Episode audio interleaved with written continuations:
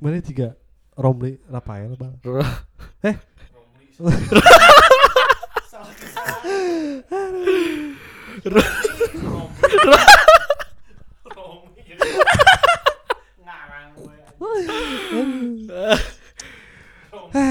Sudah terdengar ya bisikan-bisikan. Sebe- sebetulnya hari ini tuh harusnya ada Venu, ada Hasbi, Ya. ada Fikri, ada Dado. Hmm. Cuman nggak tahu nih si Venu. Hmm, jadi- Kayaknya- Jadi ini kalau kalau teman-teman semua yang tadi disebutin hari itu konsepnya udah bukan podcast lagi pak, apa tuh? lebih ke grup vokal jatuhnya. Tri, eh, ya kayak apa ya? Kayak apa namanya bang? Diva, Diva. Diva. Ah, betul. Selamat datang buat. Wah ini siapa ya? Bisa dibilang Veteran. masa Cik, lalu gitu. masa lalu saya ini. Anjir, veteran ya. Di sini sudah ada teman wah deket enggak sih jauh lah nggak deket-deket amat ya Bal. ada Fitra Ya, sehat Pak? Halo, sehat teman-teman. Alhamdulillah. Ini kita ya teman-teman sebagai seorang kawula muda. Aing tahu karena mana dulu sempat pengen jadi penyiar radio bukan ah, bener pak, bener asli. Saya dulu pertama kali masuk SMA itu ngelihat SMA tetangga tuh ya ada eskul radio, pak. itu Pas saya masuk ke sekolah saya kok nggak ada. karena dulu juga saya waktu sekolah masuk ke SMA itu tuh pengen jadi penyiar radio Oh gitu. tapi giliran saya masuk udah nggak aktif Anjir.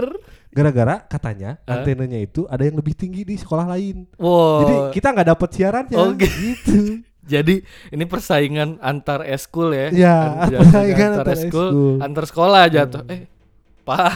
anjing si bang gimana tak kabarnya sehat-sehat Alhamdulillah Pak. Aing sehat. Bapak gimana sehat Ya. di tengah pandemi seperti ini? beginilah mencari aktivitas ya bal ya Ya bagus dong. ada u- bagus. nggak ada uang nggak ada apa ya bal Yang penting mental dan fisik sehat Pak. alhamdulillah insya Allah mudah-mudahan sehat Mudah-mudahan ya. Ini baru pertama kali lagi nih ke studio ini Ya itu dia sejak sejak sejak bertahun-tahun yang lalu banyak cerita terukir di ruangan ini. ya kan kita banyak diskusi dari dulu Ya, ya, betul, kan. betul, betul. Ya yang terlihat dan yang tidak terlihat Ya, betul. gitu. Yang diketahui dan tidak diketahui gitu. Ya cukup membuat cerita lah ruangan tapi ini. Pak. aromanya masih sama? Aromanya masih sama. Hapek-hapek gimana? Gitu. Bujangan ya? bujang karena asal bapak tahu sampai sekarang saya masih ingat. Di sinilah tempat di mana tercetusnya tiga orang dengan rasa ingin tahunya iya. Ingin membeli kayaknya saya tahu nih.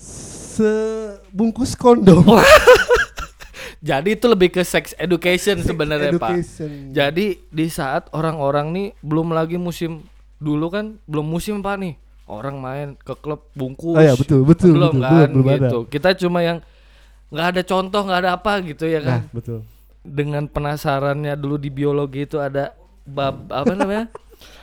Eh apa sih namanya? Aduh saya lupa nih jadi Reproduksi. Reproduksi Iya. itu tepat sekali pak. Jadi ya kepo gitu ya kan. jadi tiga orang itu merumuskan ini gimana patungannya berapa Siapa yang beli? ada Iya. yang orang Majalengka itu tak? Nah, iya kan itu dirumuskan. Iya, dirumuskan. Bagaimana teknis pengumpulan uang? Yang pertama, yang kedua gimana cara belinya? Sampai ke ngomong ke si mbak-mbaknya itu loh.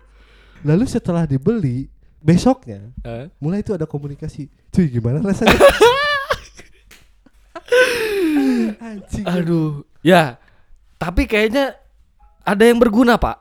Tepat di hari ini kita merekam, ya menurut saya beliau sudah harus melepaskan menggunakan hal-hal seperti itu. betul betul betul Salah satu dari tiga orang ini sudah mulai memasuki arena yang sebetulnya gitu. arena sebetulnya ya Tanpa harus menggunakan hal-hal seperti itu. ya, ya, betul karena gini ternyata saya, saya- sebetulnya saya belum tahu ya ini mau ngeba- mau ngebahas apa gitu Hmm, hmm, hmm. cuman ada yang menarik nih dari masa lalu barusan Hmm. karena saya juga ternyata menyadari kalau kita itu belajar sex education tuh sendiri ya Ah, itu dia, Pak. Benar. tapi bahaya nggak sih kayaknya bahaya deh Em, mungkin bagi beberapa orang yang sekarang lagi lagi lagi banyak ya hari ini tuh menurut saya lagi lagi banyak kasus-kasus soal yang menyangkut soal seks gitu. Dan yang selalu dikambing hitamkan adalah pengetahuan seks, Ya, pendidikan seksnya ya. e- edukasi seks gitu. Jadi orang-orang yang mungkin ada penyimpangan seksual atau penyimpangan apa ya namanya orientasi seksual Iya. gitu. Jadi mengkambing hitamkan edukasi seks gitu. Jadi ada fantasi-fantasi yang muncul gitu. Dan dia tuh sebenarnya nggak tahu itu tuh Itu tuh menyimpang. apa? Ya, iya. Nah, dia tuh nggak tahu itu tuh menyimpang saat fantasi itu muncul dan dia dapat memuaskan hal itu dan mungkin secara sosial itu salah yang akan dikambing hitamkan ya balik lagi. Pendidikan seksnya. Itu dia, Pak, gitu. Karena kita pun dulu Oh, berarti kita ya itu yang tiga orang itu. Aduh, kenapa harus Anjing. disebut? Kenapa harus Sorry, Pak. disebut? Sorry, sorry. Gak apa-apa sih itu. Malu aing. Jadi gini, ternyata dulu kita pun nyari tahu sendiri. ya, Jujur benar. kalau saya dari orang tua nggak ada sama sekali. Hmm, benar. Mungkin yang diedukasikan hanya kalau daerah tertentu yang nggak boleh dipegang sama orang lain gitu. Iya, benar. Ternyata saya lihat dari segi pendidikan emang nggak ada ya pak ya. Iya, Dulu dari zaman kita pun nggak ada. enggak ada gitu. Dan mungkin saya nggak tahu ya sampai hari ini untuk seusia kita itu udah hal lumrah yang yang yang yang biasa dibicarakan Iya gitu. betul betul. Nah, tapi mungkin di saat-saat yang baru apa organ reproduksinya baru aktif nih gitu ya, ya. dijaga agar hal-hal itu tuh tetap tabu pak. Jadi kenapa orang-orang nih daripada mengarahkan lebih baik menutupi gitu. Itu dari ku- kultur dari kita. Menurut saya sih iya pak. Jadi warisannya seperti itu ya. iya, jadi lebih ke daripada kita harus mengarahkan, mungkin secara kalau diarahkan berarti ada pengakuan bahwa seks ini Sesuatu yang positif. sesuatu ah yang- sesuatu yang lumrah lah, yang bagus ya, ya kan. ah, yang normal bagi seorang manusia gitu, secara secara secara biologis, Ya, betul, secara betul, betul. biologis gitu. Jadi mungkin bagi para orang tua daripada daripada mereka mengarahkan untuk bagaimana berperilaku seks yang benar gitu. Lebih baik ya udah berperilaku seks dilarang sampai Usia tertentu. usia tertentu Oh. atau saat masa-masa tertentu which is itu adalah nikah. Cuy. Which is dong. Yang literally event gitu, guys. Bapak kan di Sukabumi, Pak. iya ya. Tapi menarik nih. Hmm. Ternyata itu semua bisa dibilang didasari oleh ketakutan orang tua. Iya, kekhawatiran. Karena menurut saya secara tidak langsung korbannya kan ya si anaknya. Iya, bener bisa pak. Karena mungkin ya secara dari usia gitu ya, saat organ reproduksi udah mulai aktif ya kan, udah ada hormon-hormon gitu Iya, kan iya, yang mulai iya. aktif gitu, yang akhirnya mulai ada ketertarikan ke lawan jenis gitu. Dan di situ justru hal yang menjadi tabu dilarang gitu. Ada ada boundary-boundary, ada garis-garis yang bukannya diperjelas gitu, Bukannya diarahkan. bukannya gitu ya. diarahkan gitu, tapi, tapi, malah dikontrol gitu. ya. Nah, jadi malah di, dibatasi gitu. Betul betul betul. Padahal secara biologis mungkin ya itu udah mulai aktif pak, udah mulai mendorong hormon dan lain sebagainya gitu. Dan justru itu penting sih dibanding dengan pengajaran-pengajaran yang lainnya gitu, mulai dari moral dan lain sebagainya itu sebagai stakeholdernya kali ya. Iya. Karena biologisnya itu ya di dalam diri. Bener, itu nggak bisa dibuang, nggak bisa di apa gitu kan? Iya. Gitu. Dan dan mungkin lebih di kita kan yang Anjing gandeng Iqbal. kedengeran. Ker ngabubukan mie geura. Iqbal lagi cheating nih guys. Hmm, gitu. Gimana Pak gimana? Kan saya jadi lupa. Sampai mana tadi?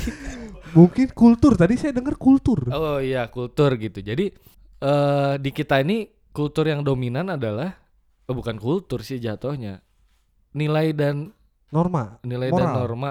Jadi aturan-aturan itu banyak berpegang ke aturan agama gitu. Oh iya iya betul betul betul. Jadi di agama pun dijelaskan ya khususnya saya dan bapak juga gitu yang Iya. sama-sama Islam gitu Iya. bahwa seks ini hanya dijelaskan kalau Anda sudah mulai berhasrat menikahlah gitu. Ah. Jadi tidak ada obat lain berpuasa atau menikah gitu. Tidak ada penjelasan bagaimana mengontrol itu gitu, bagaimana mengarahkan itu dan lagi usia akhirnya tidak menjadi patokan gitu dalam agama. Dan ini dicampurkan lagi gitu sama kehidupan kultur kita gitu akhirnya usia ditambah jadi patokan ya kan usia misalkan menikah usia berapa sih harusnya gitu mungkin sekarang pemerintah menetapkan Oh, 19 akhirnya- tahun ya Akhirnya muncul standarisasi gitu. Nah, itu Pak, standarisasi angka yang yang yang umum gitu. Pemerintah akhirnya menetapkan 19 tahun gitu. Ya berarti orang tua akhirnya akan membahas soal itu setelah 19 tahun Ya, ya, ya, gitu. Ini ngomong-ngomong tadi kedengeran gak bang? Ngomongin agama coba. di, di Sukabumi dapat apa? Baca apa ini di Sukabumi? Berbahaya. Menariknya, Hmm. saya tuh selalu ngerasa kalau ada kasus-kasus kejahatan seksual, Hmm. ibarat bilang, misalkan ada kejahatan seksual di jalanan nih, Hmm. laki-laki yang sange, Ah, ceweknya yang repot, Iya, Gitu iya kan. benar benar. karena benar. ceweknya yang jadi korban. benar, Itu benar. Ini salahnya siapa gitu? Iya, iya. Dari iya. segi penampilan mungkin si cewek udah mulai merasa ditutupi, Iya, gitu dan iya, sebagainya. Nah akibatnya menurut saya ya ini dari edukasi seksnya gitu Iya. yang jelek. ini panjang juga sih Pak soal pengendalian itu juga gitu ya soal pengendalian seks gitu ini kita ngebahas agak jauh juga gitu di negara lain gitu ada yang benar-benar ya jasa Pak gitu Ah iya iya. iya. jasa untuk memuaskan Dan itu legal ya? legal gitu dan pemerintah sadar gitu ada kebutuhan-kebutuhan yang memang harus dipenuhi sebagai ya seorang manusia gitu Iya, iya, iya. dan lagi seks ini kan bisa bisa jadi beberapa fungsi ya sebagai bukan hanya sebagai Kebutuhan biologis mata gitu. bukan hanya sebagai kita untuk mempunyai keturunan Ah gitu. iya iya. tapi kan juga ada pelepasan emosi Iya, ada pelep- rekreasinya nah gitu. hal-hal seperti itu yang kebutuhan-kebutuhan yang orang stres gitu butuh seks hanya untuk melepaskan emosinya sesaat gitu untuk kembali lagi ke rutinitas ada gitu dan itu tuh di negara lain sudah disadari gitu kebutuhan itu orang tuh bisa menjadi optimal lagi dengan seks Iya iya. itu Itu salah satu solusi mungkin ya. Menariknya tadi emang ada mungkin ada pengaruh bukan bukan pengaruh agama ya. Mungkin agama juga membawa sesuatu hal yang baik selalu iya gitu. pasti pasti Cuman kita itu cenderung terbentur sama moralnya, sama Hmm. kulturnya, Iya. agamanya, aturannya dan Iya. sebagainya gitu. Nah, ngomong-ngomong soal kultur, iya sih ini Bapak kan sebetulnya bukan orang Kuningan, saya nah ini gitu. ya ya ya Bapak sebetulnya bukan orang Kuningan, Hmm. saya kenal di Kuningan dan Hmm. katanya saya bukan orang Kuningan. Terus Bapak menempuh pendidikan lagi di luar Kuningan lagi, jauh lagi Iya. dan sekarang kerja beda lagi daerah gitu. ya ya ya Pasti Bapak sudah menemukan kayak semacam ciri atau apa untuk setiap kulturnya itu pasti oh, di sini tipenya begini, di Ah. sana begini. Ah, ah. Itu pasti Bapak sudah mengalami itu kan, sejauh Ya, itu kan. se- sedikitnya sih Pak gitu. Terbantu juga ya saya juga ala- ya secara ya alhamdulillah gitu ya saya bisa dapat edukasi di bidang budaya gitu sosial dan budaya Oh, gitu ya. nyambung ya. Sedikitnya nyambung Ah, lah iya, iya, gitu iya. Berarti sekarang saya nggak salah bridging. ya. Saya bridging ya Buat yang ngedengerin ini karena studionya belum jadi ya, iya gitu. jadi ini lagi proses ada lah ya ada backsound backsound alami gitu. Ah, jadi biar kayak lo-fi lo-fi gitu Nah itu jadi sih ada hujan jadi buat nemenin obrolan-obrolan malam ini gitu. Karena obrolannya udah malam ini. Jam berapa ini bal? Udah Jumat. Udah masuk Jumat ini udah bal. masuk Jumat ya Balik lagi nih ke bahasan yang tadi. kalau untuk tahu kultur pasti harus riset dulu pak Ya. gitu ya riset sosial lah ya disebutnya gitu nah eh dalam hal ini juga kalau tadi balik lagi kita ngebahas soal identitas gitu ya Iya. saya pindah-pindah dari sini ke mana ke mana ke mana dalam proses itu balik lagi soal identitas sebetulnya kultur itu sesuai dengan pengakuan diri pak gitu Oh. Jadi misalkan gini, saya mengatasnamakan diri saya ini sebagai orang Kuningan gitu, yang banyak menginternalisasi kultur di Kuningan gitu. Terlepas itu saya lama di mana, terlepas itu saya lahir di mana gitu. Tapi saat saya udah menginternalisasi kultur Kuningan gitu dan saya mengakui bahwa saya orang Kuningan, ya sampai situ selesai gitu. Bahwa apa yang saya bawa gitu, ya seperti inilah gitu. Salah satu pengaruh kultur gitu akhirnya. Kalau untuk di beberapa tempat memang ya macam-macam ya Pak gitu. Manusia gitu ya kan. Ya, ya, ya, ya. Secara kultur ada pengaruh individu dan juga ada pengaruh kelompok gitu. Jadi apa-apa yang lumrah dilakukan oleh kelompok itu bisa disebut kultur gitu. Tapi apa-apa yang dilakukan oleh individu belum bisa dikategorikan sebagai kultur gitu. Itu hanya individu satu orang sebagai ya secara psikologis lah ya gitu Iya. orang sebagai individu gitu. Berarti kalau saya bilang kultur itu identitas suatu kelompok Hmm, bisa dikatakan seperti itu. bisa dikatakan seperti itu gitu. Karena kultur itu kan dianut oleh kelompok, Ya. berkembang di dalam kelompok dan meng- mengatur anggota kelompok gitu. Jadi balik lagi tadi nilai dan norma di kelompok A akan berbeda. akan berbeda dengan nilai dan norma di kelompok B gitu. Dan itu bisa dijadikan apa ya? ciri lah, ciri bahwa kultur kelompok A seperti ini, kultur Oh, iya, kelompok iya, B iya. seperti ini gitu. Berarti untuk kulturnya itu saling mempengaruhi satu sama lain pun banyak faktor. Banyak faktor, Pak. Kayak misalkan kalau menurut saya kayaknya perpindahan antara satu manusia dari kelompok A ke B pun akan mempengaruhi. akan mempengaruhi gitu. Contoh kecil misalkan di lingkungan kita nih, Ya. ya tadi yang seperti bapak bilang gitu, ada yang mental ke mana, mental ke mana, mental ke mana gitu, dan masing-masing orang ini pasti menginternalisasi kultur yang ada, Ada di di, sana. ah, Ah. ada di tempatnya nih, yang mentalannya lah ya gitu. Saat mereka balik lagi, pasti bapak bisa merasakan gitu Ada perbedaan ada diri- ah. perbedaan karena apa karena ya proses internalisasi tadi di tempat yang baru dan dia balik ke sini oh ini orang udah sedikit berbeda nih Iya. gitu dari yang paling gampang kan yang secara fisik logat bahasa Nah, suara, suara, ya. suara, ya itu itu yang paling gampang karena mungkin atau sebelum itu dari tampilan lah ya tampilan pakaian gitu gaya gaya berpakaian dan lain sebagainya tapi ya mungkin dari cara komunikasi yang akan nanti lebih Terlihat. dalam terlihat Ah. gitu karena kalau secara fisik ya adopsi fisik lah ya maksudnya adopsi gaya gitu ya itu sih masih umum masih lumrah Iya. gitu tapi saat udah mulai masuk ke bahasa masuk ke logat cara komunikasi akan terlihat perbedaannya gitu Tapi apa betul Pak kalau yang namanya perubahan-perubahan dari satu individu yang kayak barusan Bapak bilang Mm.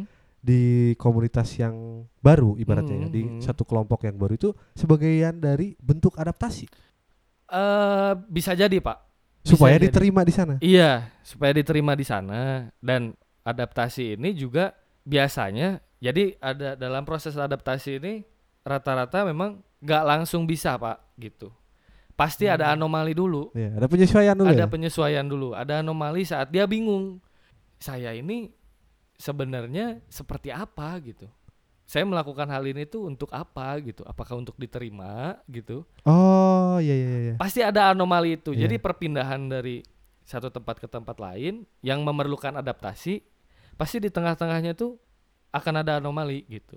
Saat dia bingung gitu sebenarnya saya ini siapa gitu. Dan saya ini munc- mulai muncul penolakan di dalam diri mungkin ya. Nah, bisa Kalau tidak sesuai, Kalau gitu. tidak sesuai pasti akan ada penolakan gitu. Nah, ini menariknya nih Bal nih. Hah, sare sih Iqbal nanti. menariknya gini. Bapak itu kan sudah pindah-pindah tempat. Betul. Bisa dikatakan satu dua tiga empat tempat. Oke. Berarti kalau saya katakan Bapak ini punya kultur atau identitas di dalam diri Bapak itu yang mana? Di Nah, antara keempat itu. Apakah sudah hilang semua atau Bapak juga pun nggak tahu nih saya itu yang mana gitu. itu sih lebih ke yang terakhir, Pak. Saya juga bingung, Pak. Jadi Bapak tuh orang Bekasi, orang Kuningan, orang mana itu teh? Sumedang? ya? Sukabumi. Su- bukan kuliah Ya Jatinangor. Jatinangor atau orang Sumedang? Sumber Sukabumi. eh Sukabumi. Saya juga bingung pak. Tapi yang jelas saya mengidentifikasi diri saya sebagai orang Sunda. Udah itu aja sih. Ah, ya, ya. Karena dari semuanya itu masih di Sunda ya. Iya, karena yang paling melekat sih kultur Sunda bagi saya. Dari mulai apa ya tata krama. Kalau dari kota, dari kota yang empat tadi yang paling melekat. kalau dari kota tetap kuningan sih pak. Tetap Karena kuningan. lebih lama di sini. karena lebih lama di sini. Oh Dan- berarti waktu akan mempengaruhi juga ya? Ya, waktu mempengaruhi juga, Pak. Karena ya tadi adaptasi itu kan butuh waktu juga Iya. gitu. Adaptasi butuh waktu, proses internalisasi juga butuh waktu gitu. Semakin lama kita di satu tempat gitu, hal yang kita serap juga akan semakin banyak gitu. Kalau memang waktu diperlukan untuk proses adaptasi sebuah kultur misalkan ibaratkan. Iya. Berarti zaman sekarang di khususnya di di daerah di negara kita gitu Heeh, heeh. ada kejahatan seksual, kemudian ada banyak kasus-kasus seksual gitu kan, Mhm. mulai dari hamil di luar nikah, di luar usia yang ditentukan. Iya. Itu tuh kita tuh harus beradaptasi juga dengan waktunya gitu kan. Kayak- Betul, kayaknya kita tuh butuh waktu gitu. Iya, iya, iya, iya, iya. Dan kita pun belum tahu arahnya ke mana ya. Pak? Benar, benar, benar. Mau ngikut ke barat atau Ah. tetap di timur gitu kan. Benar. Ini dari bidang ilmu saya nih, Pak. Iya, Ya, menarik nih, menarik. suka saya, suka. nih. Setahu saya nih, Pak, sebagai orang bodoh gitu. Jadi dalam lingkungan sosial itu pasti akan ada evolusi, Pak. Sedikit demi sedikit lingkungan Oh. sosial itu pasti akan berubah. Lingkungan sosial berevolusi. berevolusi tanpa disadari pak jadi ada ada kata begini pak tidak ada yang abadi kecuali perubahan itu sendiri eh, Eh, karena perubahan itu akan akan terus pak akan abadi ya, akan terus berulang. bener akan abadi jadi ya ya berevolusi manusia itu berevolusi dalam dalam segi sosial ya pak ya berevolusi jadi banyak faktor gitu Contoh, Ya, contoh, contoh evolusi, evolusi lingkup sosial. lingkup sosial misalkan pola komunikasi misalkan Hmm, hmm. jadi Taruh, taruh. Karena Hmm. komunikasi kunci dari sosialnya ya. Oh, berarti pola komunikasi pun berevolusi. jadi salah satu bagian juga Dari sosial kan ya. Iya, komunikasi karena- itu oh ya. kan ada interaksi kan Iya. interaksi sosial Satu sama gitu. lainnya gitu. iya satu sama lainnya dari mulai surat menyurat gitu Oh. dari mulai surat menyurat ini di luar di luar interaksi langsung ya Iya, iya, iya. melalui media gitu dari mulai surat menyurat sampai kita bisa dengar suara dari telepon gitu sampai kita bisa baca teks di SMS dan sampai sekarang gitu banyak pola-pola komunikasi yang akhirnya berubah gitu yang mempengaruhi norma juga pak gitu akhirnya gini Iya, iya akhirnya. Dulu bahasa surat sangat baku gitu ya kirimkan untuk menyampaikan pesan gitu sekarang dengan kita lintas usia gitu bisa dengan teks yang yang sederhana aja gitu Dipersingkat. ya dipersingkat bisa sederhana gitu akhirnya di situ juga merubah pola hubungan gitu ya antara yang muda dan yang tua gitu Oh. itu menarik, menarik, itu tuh akan terus berubah gitu dan banyak faktornya sangat banyak faktor dan kita nggak tahu arahnya ke mana nih. benar benar pak Wah. Jadi yang kita bisa lakukan hanya mempersiapkan atas perubahan perubahan gitu Tapi bisa diprediksikan Pak arahnya ke mana tuh? diprediksikan mungkin seperti prediksi ke- kelompoknya Andre Taulani mungkin ya jaya, jaya, jaya. jaya jaya jaya gitu Ya. nggak lucu tapi geus kapi heula El Dominal ya si Iqbal. Doyan minum alpukat. gitu ya. Berarti sosialnya sendiri pun berevolusi. berevolusi Oh, pak Ini ini baru saya tahu nih. Menarik. Bisa jadi suatu saat si edukasi seks yang tadi iya itu bisa justru jadi bagian dari sosial kita gitu kan. bisa jadi pak karena berat sekarang kan udah apa ya bisa dibilang sudah diadap diaplikasikan gitu ya di di tempat Oh, sudah mulai, lain. ya, sudah sudah mulai kan di tempat lain gitu bisa jadi kita pun akan ada arah ke sana gitu dengan cara yang seperti apa ya kita nggak tahu gitu Hmm. dengan cara-cara yang cocok berlaku cocok dan dapat diadaptasi Diterima, ah, diadaptasi di lingkungan kita seperti apa kita belum tahu gitu. sekarang udah mulai juga bermunculan pak gitu kan ya kayak aktivis-aktivis seks gitu memang Oh. memang apa dia concern di edukasi seks, Edukasi seks gitu. betul betul betul.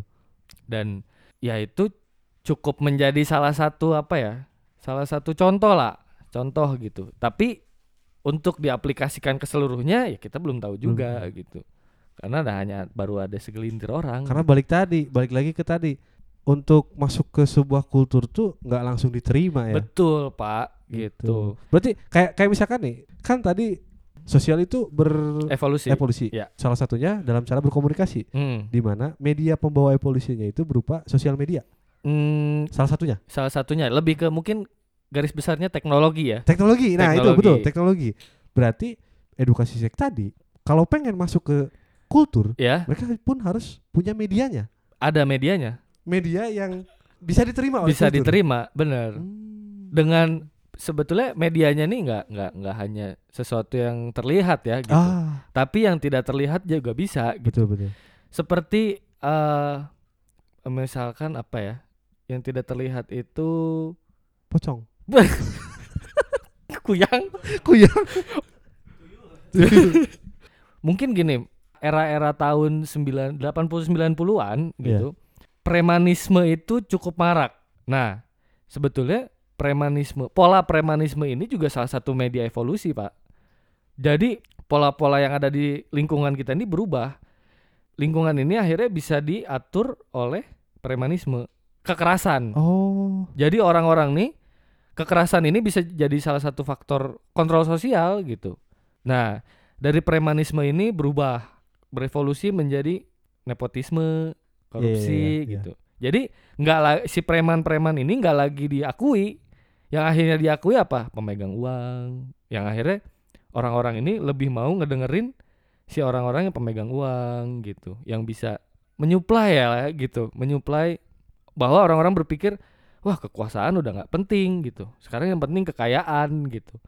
Itu tuh juga salah satu media gitu. Akhirnya polanya tuh berubah terus berubah sampai sekarang gitu. Yang akhirnya hari ini gitu ya influencer ini lebih dihargai dibandingkan Nah. dengan apa orang yang berilmu misalkan. Nah, Bapak keren nih, Bapak keren nih. Gitu. Saya tadi mau nanya influencer, ternyata Bapak sudah tahu nih arahnya ke mana. gitu. Ya. Mik oh mic-nya deng-deng, mohon maaf. Lah. Nah, iya iya iya iya. Pola premanisme yang dulu sekarang tuh berkurang. Berkurang, Pak, Hmm. gitu. Udah nggak udah nggak in lagi gitu di zaman sekarang gitu. Kekerasan-kekerasan itu tuh udah mulai nggak cocok lah, udah mulai nggak relevan. Hmm. Itu salah satu bukti bahwa masyarakat kita ini terus beru- berubah, berevolusi gitu. Dari pola pemikiran, dari pola interaksi, dari pola kontrol sosial juga berubah gitu. Yang sekarang akhirnya ya balik lagi tadi influencer gitu. Bagaimana mempengaruhi orang gitu dan dapat diterima gitu. Ya, ya, ya.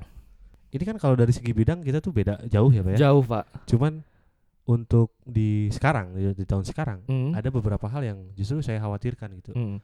Tapi bentar Pak, menurut Bapak dari tadi pendapat saya seperti apa nih? Kita nggak ada perdebatan nih dari tadi. Ya itu. Sayangnya tidak ada perdebatan gitu. Bukan bukannya saya pun mau berdebat. Hmm, hmm. Bagi saya ini ada yang menarik. Ah, Bagi saya ini ada yang da- dari tadi pun statement Bapak yang itu tuh masuk ke dalam diri saya. Ah, Oke, oh, oke. oke gitu. ah. Kayak saya tuh di sisi lain ada yang terbuka lagi gitu Ah, kan. Oke. Gitu. Makanya saya nggak nggak nggak berusaha mendebat. Oh. Apa gitu kan. Kaitannya gini, kalau di bidang saya Ya. di teknologinya, di teknologi Hmm, informasinya, hmm. saya itu punya kekhawatiran di mana masa sekarang itu yang yang gampang deh hoax. Ya. Nah itu kan lagi rame tuh Ya. zaman sekarang. Menurut saya gitu kan. Ya. Menurut saya kalau di track gitu Hmm. eh, pertama kali hoax itu mulai marak itu Hmm. karena apa itu saya mendapat satu peristiwanya gitu lah. Hmm, Kalau menurut hmm. saya itu gara-gara ini nih yang sampai sekarang jadi hoaxnya itu semakin berkembang. Hmm.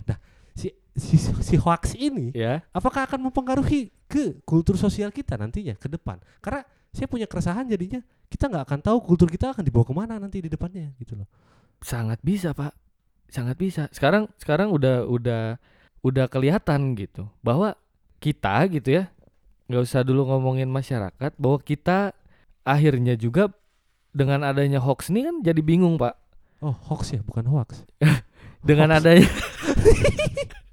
Anda tidak mengoreksi saya. Oh. dengan ya dengan adanya hoax ini akhirnya kan ada bias informasi pak gitu. Ya, ya. yang mana yang benar dan ma- yang mana yang salah gitu. Yang mana yang informasi valid dan mana informasi bohong gitu.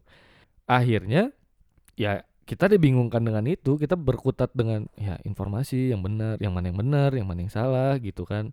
Perubahan itu juga jadi apa ya ya cukup merubah gitu. Akhirnya pasti apalagi di grup keluarga gitu. Nah, itu, misalkan ya itu. gitu misalkan di grup keluarga ada orang yang nge-share informasi kita juga nggak tahu validitasnya seperti apa gitu Iya, ya. iya. tapi akhirnya minimal gitu akhirnya kita ada yang ah ini orang suka nyebar hoax nggak akan didengar ah gitu. Jadinya personal itu jadi tidak dipercaya gitu dengan dengan hoax itu. Padahal mungkin dia hanya meneruskan dia pun jadi korban hoax gitu. Dia hanya ingin berusaha berbagi gitu tapi kita udah nganggapnya wah ini orang mau nyebar informasi bohong udahlah nggak usah dipercaya Hmm, gitu hmm. jadi itu ada krisis kepercayaan Ya, gitu saat akhirnya ini saat berarti kan. ini Itu Entah- salah satu impactnya. itu salah satu impactnya jadi keresahannya tuh bukan lagi ketakutan ditindas karena pre- premanisme Iya. atau ditipu oleh apa yang punya uang gitu KKN tadi ya. KKN tadi gitu tapi lebih ke krisis kepercayaan aja sama orang-orang gitu. Enggak hanya orang-orang sih, lebih ke ya krisis informasi sih, Pak. Hari ini tuh jadinya krisis informasi gitu. Hmm. Kalau menurut saya kan ini tuh kalau buat merubah itu butuh dukungan dari berbagai bidang gitu kan Pak. Oh ya, betul, betul. Kalau dari bidang saya kan saya juga suka ngasih tahu nih ke grup keluarga gitu buat Betul. nyiri buat ngelihat mana yang hoax, mana yang enggak. Hmm. Dengan kayak misalkan dilihat dari linknya. Ya. Linknya itu kan identitasnya udah tahu tuh, udah jelas Benar. gitu kan mana yang kompat kompatibel atau apa gitu lah. Iya, gitu. iya, iya. Nah itu. Tapi kan itu dari segi TI-nya atau dari Iya. segi teknologi informasi. Tapi kan kita butuh kayak ya ibaratnya orang-orang di bidang bapak, orang di bidang sosialnya gitu Hmm, kan ya. hmm, hmm. Kan saya juga bikin podcast kan karena saya punya keresahan gitu kan. Iya. Nah, ini salah satu keresahan Pasti. saya adalah saya punya ketakutan kita ke depan itu dibentuk seperti apa. Karena menurut saya ini tuh ada yang mendesain gitu kan. Hmm, hmm, Ada hmm. yang mengontrol gitu kan. Iya. Jadi apa? Terstruktur sistematis dan masif dan gitu. masif. nah, itu salah satu faktor munculnya hoax pertama kali itu gara-gara itu tuh. ya. Gara-gara statement itu tuh dulu tuh Itu, ramai kan tuh. Ya. Nah, itu. Jadi kayak kita nggak tahu kultur kita akan dibawa ke mana nantinya. Hmm, Arahnya hmm. ke mana? Apakah ke yang lebih baik atau enggak? Karena menurut saya krisis kepercayaan tuh, waduh, efeknya luar biasa gitu. kan. Iya. Ya itu polanya akhirnya jadi bakal bisa merubah, Pak, gitu ya. Yang kita selalu mengaku bahwa negara kita ini kan negara gotong royong gitu katanya ya. gitu. Sampai akhirnya dengan muncul apa krisis kepercayaan ini dampak yang paling dekat menurut saya pribadi merubah gitu ya rasa gotong royong kita gitu jadi orangnya individualis Hilang ya. hilang gitu Bapak sudah pernah melihat itu ya? eh cukup pak cukup cukup udah bisa melihat itu Sebetulnya kalau di kota-kota besar itu udah mulai ya, Pe? itu udah mulai menurut saya karena apa selain selain krisis nah ini lagi nih Apa faktor lain? faktor lain juga gitu ya di kota-kota besar ini kan dipengaruhi sama yang paling kuat penarik eh, orang-orang untuk masuk ke kota besar adalah dari sisi ekonomi pak nah orang-orang ini tertarik ke kota besar gitu untuk dapat pekerjaan gitu ya dan untuk menaikkan taraf ekonomi kan itu faktor yang utama tuh pak Iya, iya, iya. dari ya rata-rata semua orang gitu Ekonomi ya, Pak? ekonomi gitu. Nah, dan dan di kota-kota besar ini kan yang kita tahu cukup kompetitif. Ya sama-sama orang nyari duit gitu. Yang akhirnya ya kita juga nggak tahu gitu. Orang mana yang bisa dipercaya dan yang tidak gitu. Karena semua orang juga berlomba-lomba gitu. Nah, dari situ juga udah mulai muncul individualis-individualis Iya. gitu ya kan. Sikap-sikap yang akhirnya ini maksudnya apa nih ngebaik-baikin? Nah, iya, iya, iya. Nah, betul, betul, betul, betul. gitu. Apakah ada maksud di balik ini? Hmm. Nah, itu tuh secara mikro ya udah kelihatan di kota-kota besar gitu. Yang semoga nggak menjadi umum gitu. Bahkan kayaknya bakalan jadi umum, Pak. Karena dengan percepatan informasi tadi di mana hoax itu sekarang lagi rame gitu kan. Ya, Itu tuh hoax itu kayak mempercepat scoop tadi yang kecil tuh yang di mikro. ya. Jadi kan masuk ke daerah-daerah tuh. Nah, bisa jadi begitu juga, Pak, gitu. Wah, gila emang. Dan ya apalagi hari ini kita tahu ya dari bidang Bapak ini sangat cepat sekali Betul. perkembangan teknologi gitu kan. Dari situ juga kita bisa dibilang siap nggak siap juga gitu. Nah, itu saya selalu berpendapat orang kita itu selalu nggak siap untuk apa pun yang kita adaptasi dari luar. Iya iya iya iya iya iya. Jadi kesannya tuh negatif Nah, gitu. itu kesannya tuh selalu negatif. salah satunya tadi di awal, Pak. Masalah edukasi seks. Nah, Karena seks di kita bagi sebagian kultur yaitu negatif, iya gitu. apalagi di luar nikah. Nah, dan lagi sebetulnya Pak soal perkembangan, ya balik lagi ya kalau tadi ke edukasi seks, kesulitan merubah pola pikir yang hal itu tuh tabu tadinya gitu. Dan sekarang hangat untuk diperbincangkan, Iya, iya. setajam silet gitu. gitu. Jadi apa ya?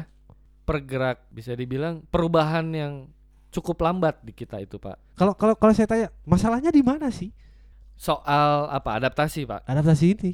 ya balik lagi ke misinformasi juga bisa pak gitu jangankan mungkin ya gini jangankan yang secara kultural gitu yang secara harfiah aturan negara misalkan Ya ya ya. ya. yang disampaikan ke kita gitu dari yang lurus gitu ya misalnya dari pemerintah ke warga negara itu juga yang bisa kita terima biasanya belak-belok gitu Hmm. akhirnya ya ada distorsi gitu dis- distorsi informasi dari dari atas ke bawah. dari atas ke bawah gitu itu juga jadi faktor gitu ya ini tuh selalu bias akhirnya gitu Nah, iya betul betul. selalu bias gitu. Jadi si edukasi seks ini penting atau tidak gitu. Ada yang bilang penting, ada yang bilang tidak penting gitu. Ada yang ada yang bilang dengan wah kita butuh edukasi seksual gitu untuk meningkatkan awareness gitu ya, kesadaran kita tentang hal-hal yang berbau seksual gitu. Ada juga yang bilang ah dengan norma agama, dengan norma sosial pun udah cukup gitu. Nah, itu tuh ya jadinya distorsi aja pak gitu akhirnya kalau setiap perdebatan ya balik lagi ke pribadi masing-masing dah Nah, gitu itu. jatuhnya itu itu yang saya dapat tuh dari bapak tuh waktu itu dicopot. Eh, balik lagi deh soal seks deh. Contoh, Hmm, ada beberapa teman yang emang ya mereka melakukan itu di luar pernikahan gitu. iya iya iya Dengan ide atau pendapat ya ini kebutuhan, iya biologis gitu. iya Kalau kamu melihat ini dari kacamata agama ya Hmm, salah. betul. Agama mana pun menyalahkan gitu. betul Tapi jangan ngelihat ke perspektif agama. iya Urusan dosa itu urusan masing-masing. betul Selalu berhenti di situ, Pak. betul nah itu apa ya di kita ini cukup kekurangan keterbukaan gitu pak masih ada bukan masih ada sih memang kenyataannya di kita saat kita melakukan kesalahan gitu ya atau misalkan kaitannya dengan edukasi seksual kasusnya misalkan kayak teman bapak tadi gitu ya Hmm. Waduh Bapak jangan, kan teman saya. jangan temen sih kayaknya adik Bapak kan teman saya. kalau misalkan ada yang ada yang melakukan seks di luar nikah gitu Iya, ya iya. dan sampai ketahuan lingkungan itu kan jadi aib Nah, nah. dianggap sebagai aib gitu karena apa karena ya balik lagi karena masih tabu Iya. gitu jadi kegiatan seperti itu tuh salah gitu ya di kita nih masih yang kesadaran akan kebutuhan itu tuh juga masih kecil gitu jangankan ya jangankan yang melakukan penyimpangan norma berarti kita itu kan norma nih iya, nggak iya. boleh melakukan seks di luar Di luar nikah nikah. yang berusaha untuk melakukan seks gitu ya. Ini orang memang mengikuti agama lah gitu Iya, ya. iya, iya. Yang udah benar gitu. Saat kamu udah nggak nggak nggak bisa nahan lagi birahi gitu, kamu Nikah, harus gitu. menikah gitu ya. Dengan usia yang belum cukup, itu pun akhirnya jadi letupan juga. Wah, kok udah nikah sih? Padahal kan Eh, masih umur segini. Nah, hal-hal itu, gatal-gatalnya mulut itu juga ya balik lagi sih Pak gitu, keterbukaan gitu. Keterbukaan kita menerima apa ya? eh, kebiasaan yang baru gitu, new normal gitu kan.